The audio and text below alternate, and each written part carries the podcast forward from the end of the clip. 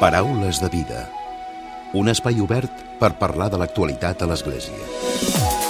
Què tal? Salutacions i molt bon dia, molt bon diumenge. Avui parlarem d'un moviment que ha sorgit dins de l'Església per reivindicar la igualtat i la no discriminació de les dones. Es tracta de la plataforma Alcem la veu, formada per dones que pertanyen a diferents entitats cristianes i que s'apleguen a la coordinadora de dones creients i feministes.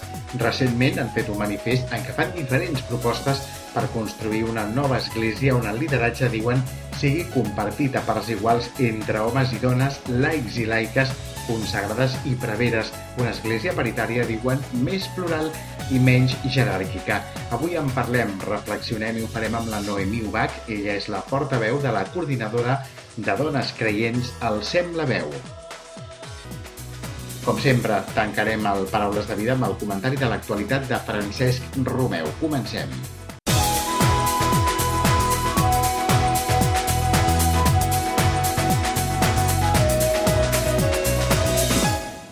Paraules de vida amb Emili Pacheco. Us ho dèiem a la portada del programa. Avui parlem amb la Noemí Ubach. Ella és la portaveu de la coordinadora de dones creients al Sem la Veu. Noemí, bon dia i benvinguda. Bon dia, gràcies per convidar-me.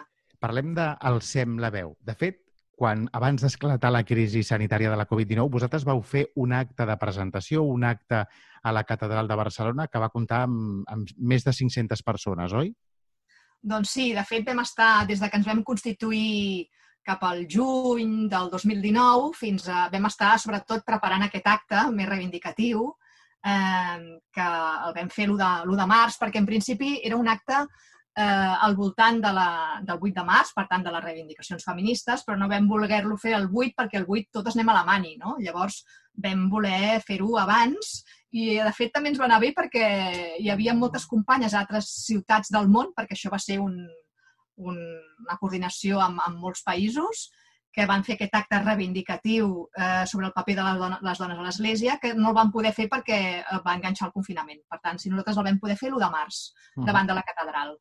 Vosaltres sou un grup de, de dones, de dones creients, de dones que pertanyeu a diferents moviments cristians, que arriba un moment en què decidiu unir-vos, en aquest cas per donar per visibilitzar, no sé si és una problemàtica o una situació, una realitat que, que té i, o que pateix l'Església, no? Sí, de fet som dones catòliques de diferents diòcesis catalanes que ens hem unit per, d'una banda, tenim com dos objectius. El primer seria denunciar la, la discriminació i la desigualtat que les dones patim a l'Església. I de l'altra també l'objectiu de nosaltres mateixes apoderar-nos i ser conscients de les nostres capacitats i de, eh, del fet que si un dia diem prou, doncs això pot canviar, no? I per tant, eh, ser conscients de la nostra força. Per això també amb aquest lema el sembla veu.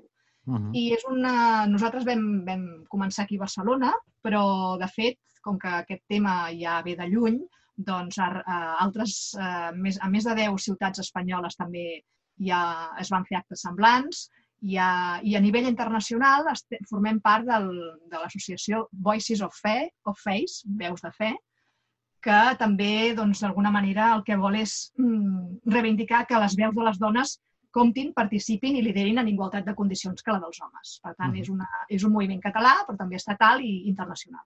Uh -huh.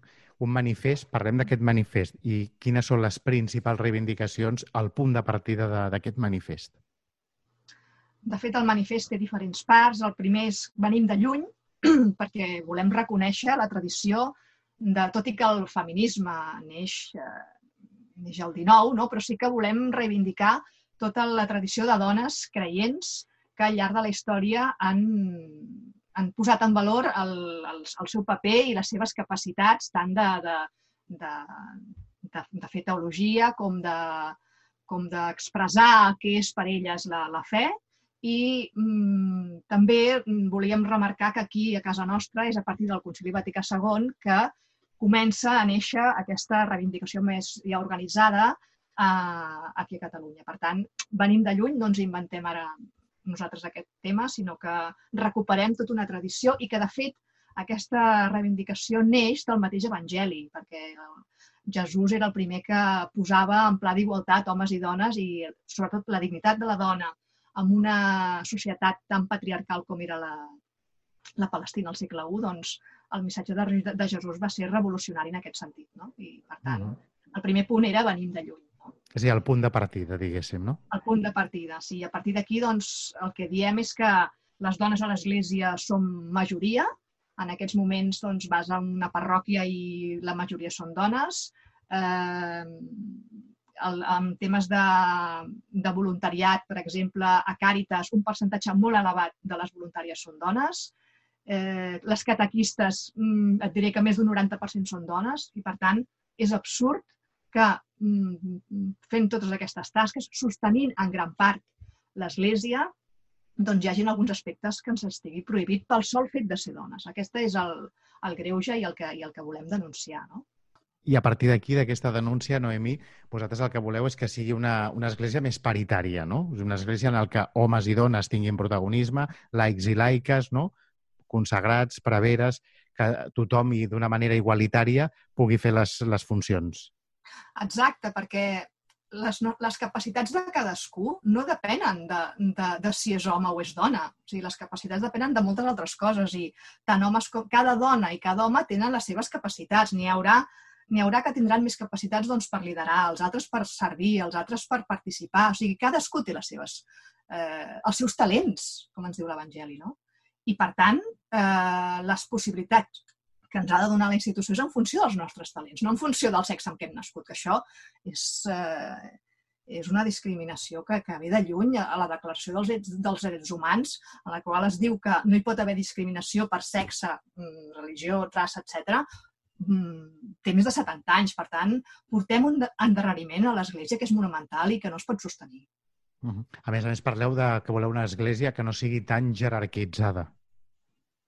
Exacte, perquè també l'Església... A veure, l'Església té fa mm, una aportació a la societat molt interessant perquè moltes, eh, tot el que és el vessant social de l'Església, aquests dies ho vèiem, Càritas està fent una feina extraordinària aquests dies de pandèmia. Eh, per Twitter corrien imatges de les cues eh, al voltant de l'Església de Santana que intentava donar resposta... L'hospital de campanya, no? L'hospital de campanya de Santana, és a dir, hi ha tota una feina de, de, l'Església posa al centre els més, els més vulnerables moltes vegades i treballa a favor seu. No? I a banda d'això, doncs, també fa una feina de omple un espai en el sentit que les, moltes persones tenen una necessitat espiritual bueno, de cuidar aquesta dimensió de, de relació amb el, amb, el, amb el misteri, amb la divinitat, com li vulguis dir. No? Doncs l'Església també, en aquest sentit, eh, ocupa aquest espai. Ara bé, al costat d'aquests valors hi ha altres aspectes que considerem que, que no es poden sostenir més temps, perquè,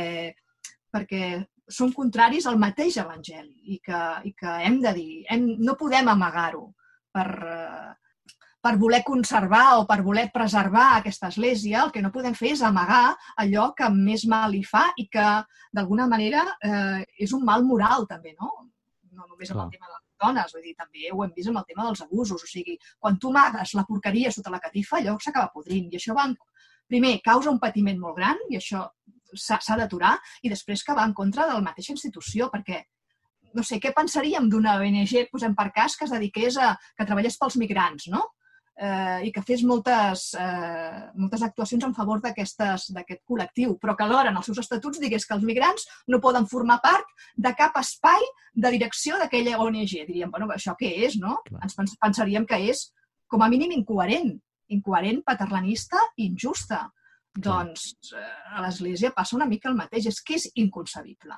I el mm. que passa és que, per tradició, doncs ens hem acostumat a una situació que veiem normal i no és normal. No és normal. I això és el que volem denunciar. I mm-hmm. també voldria dir que a vegades les dones també tenim un paper a jugar, perquè eh, els drets no te'ls... O sigui, les lluites no, no te les regala ningú. Eh? Si les coses, l'estatus quo, doncs va, va, va fent, no? I i arriba un moment que un col·lectiu que sent que allò no pot seguir sent d'aquesta manera s'ha d'aixecar i, i hem de dir prou.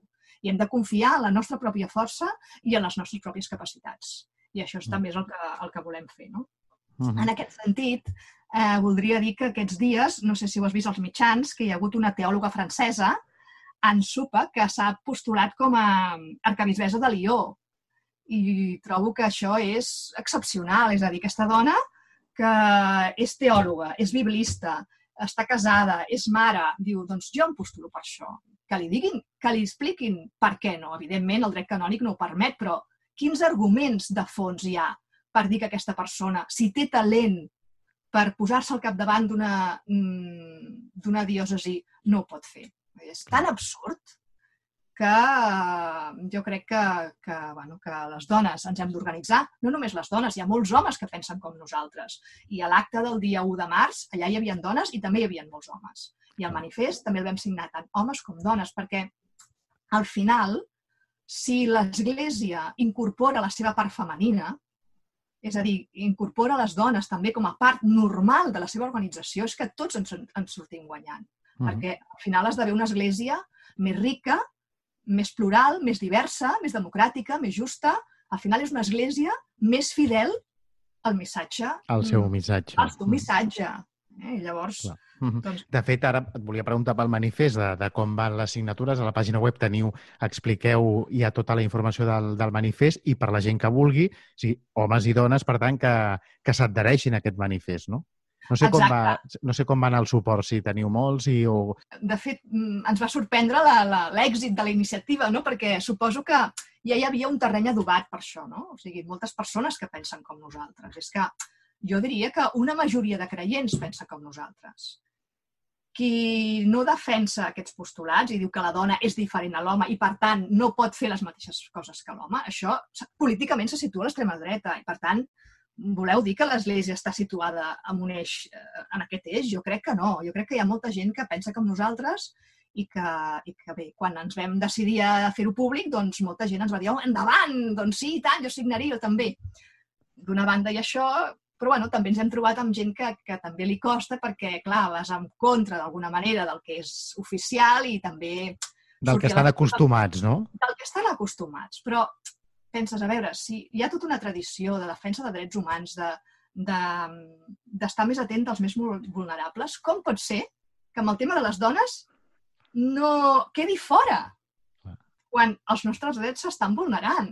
És aquesta incoherència que crec que hem d'anar païnt entre tots, també dient, home, doncs eh, potser hem estat molt de temps acostumant-nos a una situació que nosaltres mateixos, nosaltres mateixes hem acceptat i que ara no, no volem que, que continuï així. No? Si, si és veritat que, que, que hi ha tantes, tants aspectes que hem de millorar pel tema de les dones, com és que l'Església, que estem en aquesta situació tan negativa, no fem res, nosaltres dones d'Església, perquè no som dones, som dones que, que, que, que ens sentim Església i, per tant, el feminisme ens interroga també i, per tant, podem dir que bueno, som feministes dins de l'Església, no? I jo crec que l'Església que ha dialogat amb molts ismes al llarg de la història, ara mateix amb l'ecologisme, no? doncs eh, també ha de dialogar amb el feminisme. El feminisme pot fer una aportació molt interessant a l'Església. És el que toca, no? Eh, Noemí, sí, no sé sí, si... perquè, ah, perquè és que, a veure, la situació... Eh, és que la situació clama al cel, perquè, a veure, la, la teòloga, aquesta teòloga francesa deia és que no hi ha cap dona que dirigeixi cap diòcesi, no hi ha cap dona que sigui capellà, no hi ha cap dona que sigui diaconesa. No hi ha cap dona que voti en cap sínode. Afegeixo jo, no hi ha cap dona que porti cap parròquia, però això on s'és vist? És a dir, les persones que estan dirigint aquesta institució mmm, tenen un viatge brutal, perquè són homes i, a més a més, són consagrats. Com pots tenir una visió global del món, de la realitat, de la diversitat del món, si les persones que el porten només són d'un tipus? No vol dir que ells no siguin vàlids per, per eh, liderar aquesta institució. El que vull dir és que no només ells, és a dir, eh, amb qualsevol organisme el que intentes és que poder captar la diversitat i veure el món des de diferents punts de vista. Si només veus la realitat amb els teus ulls, això és un problema per tu. I crec que aquest és un problema per la institució, perquè veu el món només amb uns ulls. Penseu que amb el papa Francesc al capdavant de l'Església això pot canviar? Per exemple, ell amb, amb l'ecologisme va, ser, va fer eh, l'encíclica en els primers moments sí. del seu pontificat. Té sensibilitat per convertir l'Església eh, això i donar importància al paper de la dona a l'Església? Jo crec que ell té una sensibilitat molt important per mm, això que dèiem de veure els signes dels temps, no? I ho ha demostrat amb tot el tema dels migrants, del, mm, tot el tema de l'ecologia. El que passa que jo crec que el tema de les dones, malgrat que jo crec que té una certa sensibilitat, encara falta molt per fer. És a dir, com és que s'avança tant amb, aquests, amb alguns temes i amb el tema de les dones costa tant? Perquè la tradició mm, en la tradició eclesial que l'home és el centre, pesa tant que costa molt trencar això. Per tant, jo amb ell el veig obert, però que els gestos que fa són insuficients. És a dir, és valent en moltes coses i, en canvi, amb això eh, jo crec li costa que... més. Li costa més per tota la... perquè quan toques el tema de les dones, és que toques, sembla que toquis el moll de l'os. Perquè, a veure, a l'Església hi ha moltes, una varietat molt gran de sensibilitats i, en canvi, aquest papa eh, té una sensibilitat molt a favor de... És, segons quin discurs fa, és molt transgressor. Quan, va la, quan parla de, amb el sinó de l'Amazònia i diu que, a veure, la gent pobra, el, que no hi ha dret a les deforestacions, és a dir, té un discurs, mmm, no diria, bueno, molt sí, progressista sí. en aquest sentit, sí, no? Sí, sí. I, I molt valent en el sentit de que I també qüestiona valent. el poder econòmic, no? Exacte, qüestiona l'estatus quo, a favor dels més, dels més febles. I, en canvi, amb el tema de les dones sempre se'ns demana paciència, com si fos un tema tangencial, com si fos un tema de segones, i és un tema troncal. És un tema troncal, això és el que hem d'entendre. Que les dones no, no mm, tinguem un paper secundari a l'Església és un problema molt important, perquè som la meitat de, de, dels creients, la meitat de la humanitat. I perquè, si no, acabem doncs, construint una església, com et deia, molt esbiaixada, amb una mirada molt, molt curta. Una església parcial, no? Una església parcial, perquè la mateixa idea de Déu, no? La mateixa idea de Déu, com ens imaginem a Déu? El nostre imaginari al llarg de, de la, dels segles, eh, en pintura, escultura, eh, literatura, hem pintat, hem parlat d'un Déu masculí, no? I això és un problema. És un problema perquè el mateix Gènesi ho diu, no? Eh, Déu ens ha fet a la seva imatge i semblança tant a l'home com a la dona. Per tant, les dones també ens volem sentir representades en aquesta divinitat, perquè si no sembla que siguem mm, creients de segona i no som creients de segona.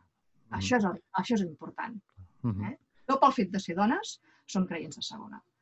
I això és el que hem de creure'ns nosaltres primer i després doncs, doncs, dir-ho i, i que s'hi apunti tothom que, que, que pensi això perquè això serà un bé per l'Església, serà un bé. Uh, aquesta mateixa teòloga eh, ella es postulava com a, com a arcabisbe de Lió i també feia una reflexió interessant que deia, a veure, mmm, a Lió hi ha hagut molts problemes sobre abusos, no? Potser si les dones haguessin estat també al capdavant de l'Església, això no hagués sigut tan així, o potser s'hagués pogut tallar abans, o potser hagués, sigut, hagués estat diferent, perquè al final mmm, la visió de les dones és, és en aquest aspecte, no vull dir diferent, però sobretot els abusadors han sigut homes que s'han cregut en poder, perquè al final el que abusa, mmm, abusa per dos motius. Primer, perquè, perquè té impunitat per abusar. Si tu abuses no et passa res, tornes a abusar. Però l'altre, perquè es creu superior d'alguna manera. No? Llavors, l'Església ha de trencar d'arrel aquesta, aquest tractament diferenciat entre homes i dones, que ningú és superior a ningú. I això mm, ha fet molt mal. Jo crec que això també ens ajudarà a fer una església més fraterna, no? Com pots parlar de fraternitat i de si justícia? estàs excloent. Quan estàs excloent eh, una part de, de, dels teus, no sé... Dels fidels, no? Els teus fidels, sí. Mm-hmm. Noemi, per acabar, mm, suposo que amb la nova normalitat que ens espera pels propers mesos, no sé si fareu, si programareu actes o si continuareu fent difusió de, de la vostra feina, d'aquest camí que teniu per recórrer o que tenim dintre de l'Església per, per recórrer. Sí, de fet, ara hem tingut un parell de reunions virtuals perquè, clar... Ara tot és virtual. Ens ho ha troncat tot com a tothom, no? Però bé, ja ens hem tornat a, a posar en contacte i llavors ja tenim uns certs, alguns... Estem preparant una pregària per l'11 de juny, uh -huh. eh, dia del Corpus, i també després eh, estem preparant algun, ens interessa fer alguna activitat més de, de, de despertar consciències o de sensibilització amb grups de dones. Llavors també estem pensant a veure de quina manera ho fem. De fet, una altra cosa que volem fer és formar part de tot d'aquest moviment internacional que et deia, de Voices of Faith, que té previst per la tardor del 2021 fer un peregrinatge a Roma. Mm. Llavors ens unirem en aquest peregrinatge, no sabem encara si de forma simbòlica o presencial. Mm -hmm. Són els projectes que tenim més, més a prop. Doncs, Noemí, ha estat un plaer que ens acompanyis avui al Paraules de Vida. Seguirem molt atents a tota la, la tasca que, que feu i també ens farem ressò de, de les activitats properes que, que tireu endavant. Gràcies. Gràcies a vosaltres. Paraules de Vida amb Emili Pacheco. Directe als valors. Directe a tu. I una setmana més arriba el comentari de l'actualitat al Paraules de Vida, un comentari que ens elabora, que ens fa en Francesc Romeu. Francesc, molt bon dia. Molt bon dia a tothom. A poc a poc anem tornant tots a la normalitat i deixem al darrere l'estricte confinament. Cal però vetllar encara perquè un cert relaxament i un accés de confiança no ens porti ara a la imprudència i a la irresponsabilitat cívica.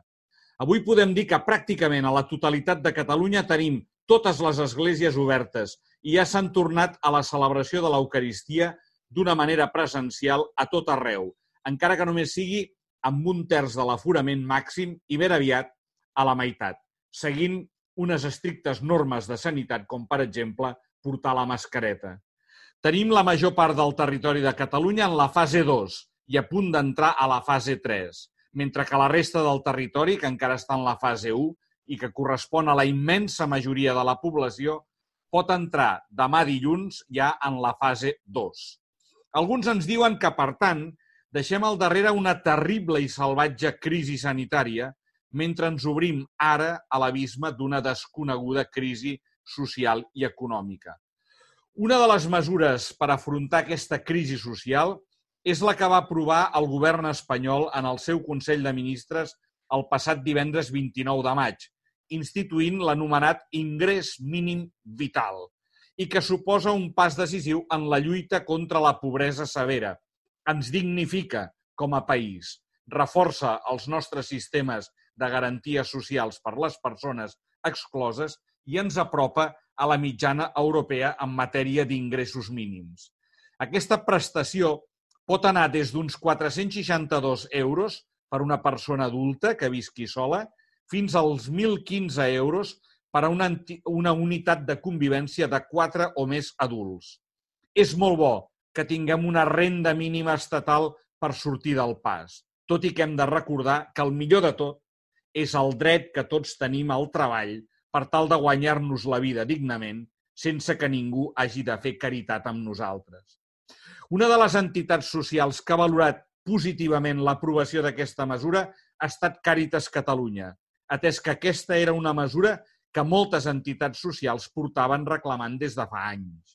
En el seu comunicat, Càritas diu que com a prestació no contributiva de la Seguretat Social suposa un salt endavant en la garantia dels drets i en la protecció de les persones que estan en situació de major vulnerabilitat. Complirà, a més, una funció de factor estabilitzador automàtic en les èpoques de crisi, generant una base mínima de protecció per les persones que no tinguin ingressos, que es reduirà en moments de bonança quan l'ocupació pugui recuperar-se. Pel fet de configurar-se com un dret, aquest ingrés mínim vital contempla quelcom que era demanat pel sector social i pel Comitè Europeu de Drets Socials, com per exemple que el temps de durada de la prestació vagi lligat a la situació de necessitat de la persona i que romangui mentre aquesta situació no canvi. Ara bé, Càritas, tot i que valora positivament aquesta nova prestació, també detecta que té uns grans dèficits i que deixa fora a moltes persones, com poden ser les que viuen situacions administrativament irregulars, els joves entre 18 i 23 anys, que hi queden exclosos, o les realitats familiars de més de quatre persones que viuen aglomerades en molts domicilis per la dificultat de l'accés a l'habitatge. També queden excloses aquelles persones que tenen dificultats d'inclusió laboral, com per exemple les que pateixen malalties cròniques, atès que només es pot accedir a la prestació si s'està com a demandant d'ocupació. Per mi, el més greu és que s'exclogui les persones que viuen en situació administrativa irregular, atès que, com diu Càritas, aquestes persones viuen treballen i contribueixen a la societat. I en la mesura de, en la majoria dels casos es troben en situació de gran precarietat. Ens preocupa la situació de les famílies migrants que cauran en la irregularitat sobrevinguda i especialment la situació dels menors d'aquestes famílies que no estaran protegits en condicions d'igualtat amb la resta de nens i nenes del nostre país pel fet que als seus pares els hi falta un paper. Molt bon diumenge a tothom. Paraules de vida amb Emili Pacheco.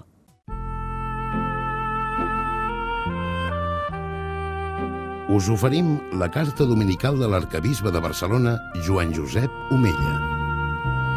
Déu vos ho guard. Aquest diumenge celebrem la solemnitat de la Santíssima Trinitat que ens omple d'esperança i confiança en recordar que la relació d'amor entre el Pare i el Fill i l'Esperit Sant és l'origen de tot. Darrere de tot el que existeix hi ha una família que s'estima en extrem, que ens ha creat i que ens acollirà al final d'aquesta vida. És un moment intens del calendari litúrgic que avui adquireix un significat encara més especial per les conseqüències del coronavirus. Aquesta festa és també la data escollida per a la jornada Orantibus, dedicada a pregar intensament per les persones consagrades, contemplatives, que contínuament preguen per nosaltres i que aquest any té el lema amb Maria al cor de l'Església. La vida contemplativa és expressió de l'amor radical a Déu.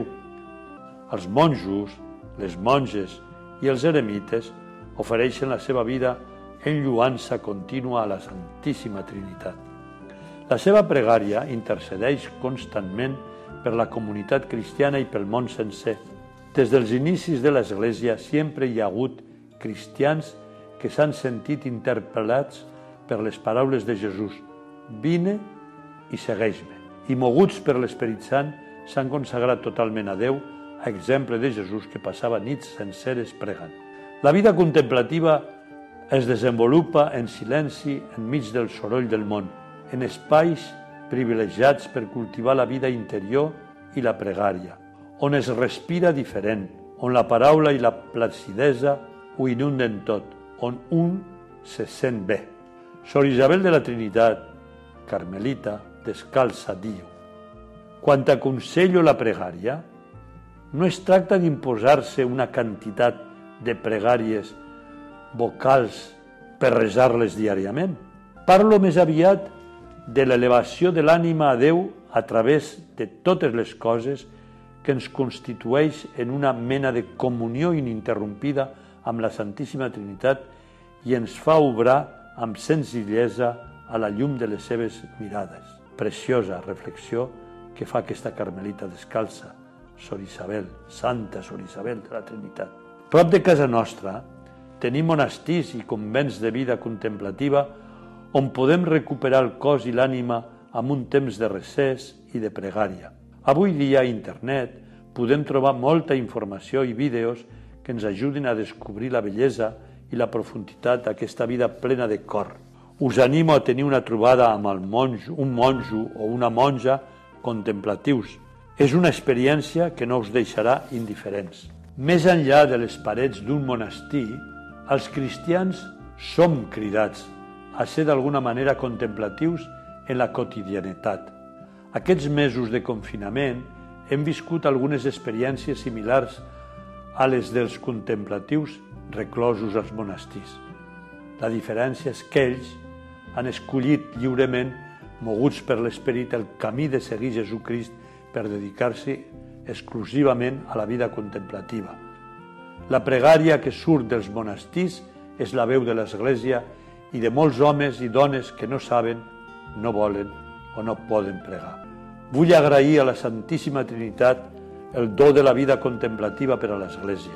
Que Santa Maria, Mare de Déu, acompanyi el nostre camí i el de tots els contemplatius amb la llum de la fe, el consol de l'esperança i la fortalesa de la caritat. I no ens oblidem de pregar sovint aquesta preciosa pregària. Glòria al Pare i al Fill i a l'Esperit Sant. Amén.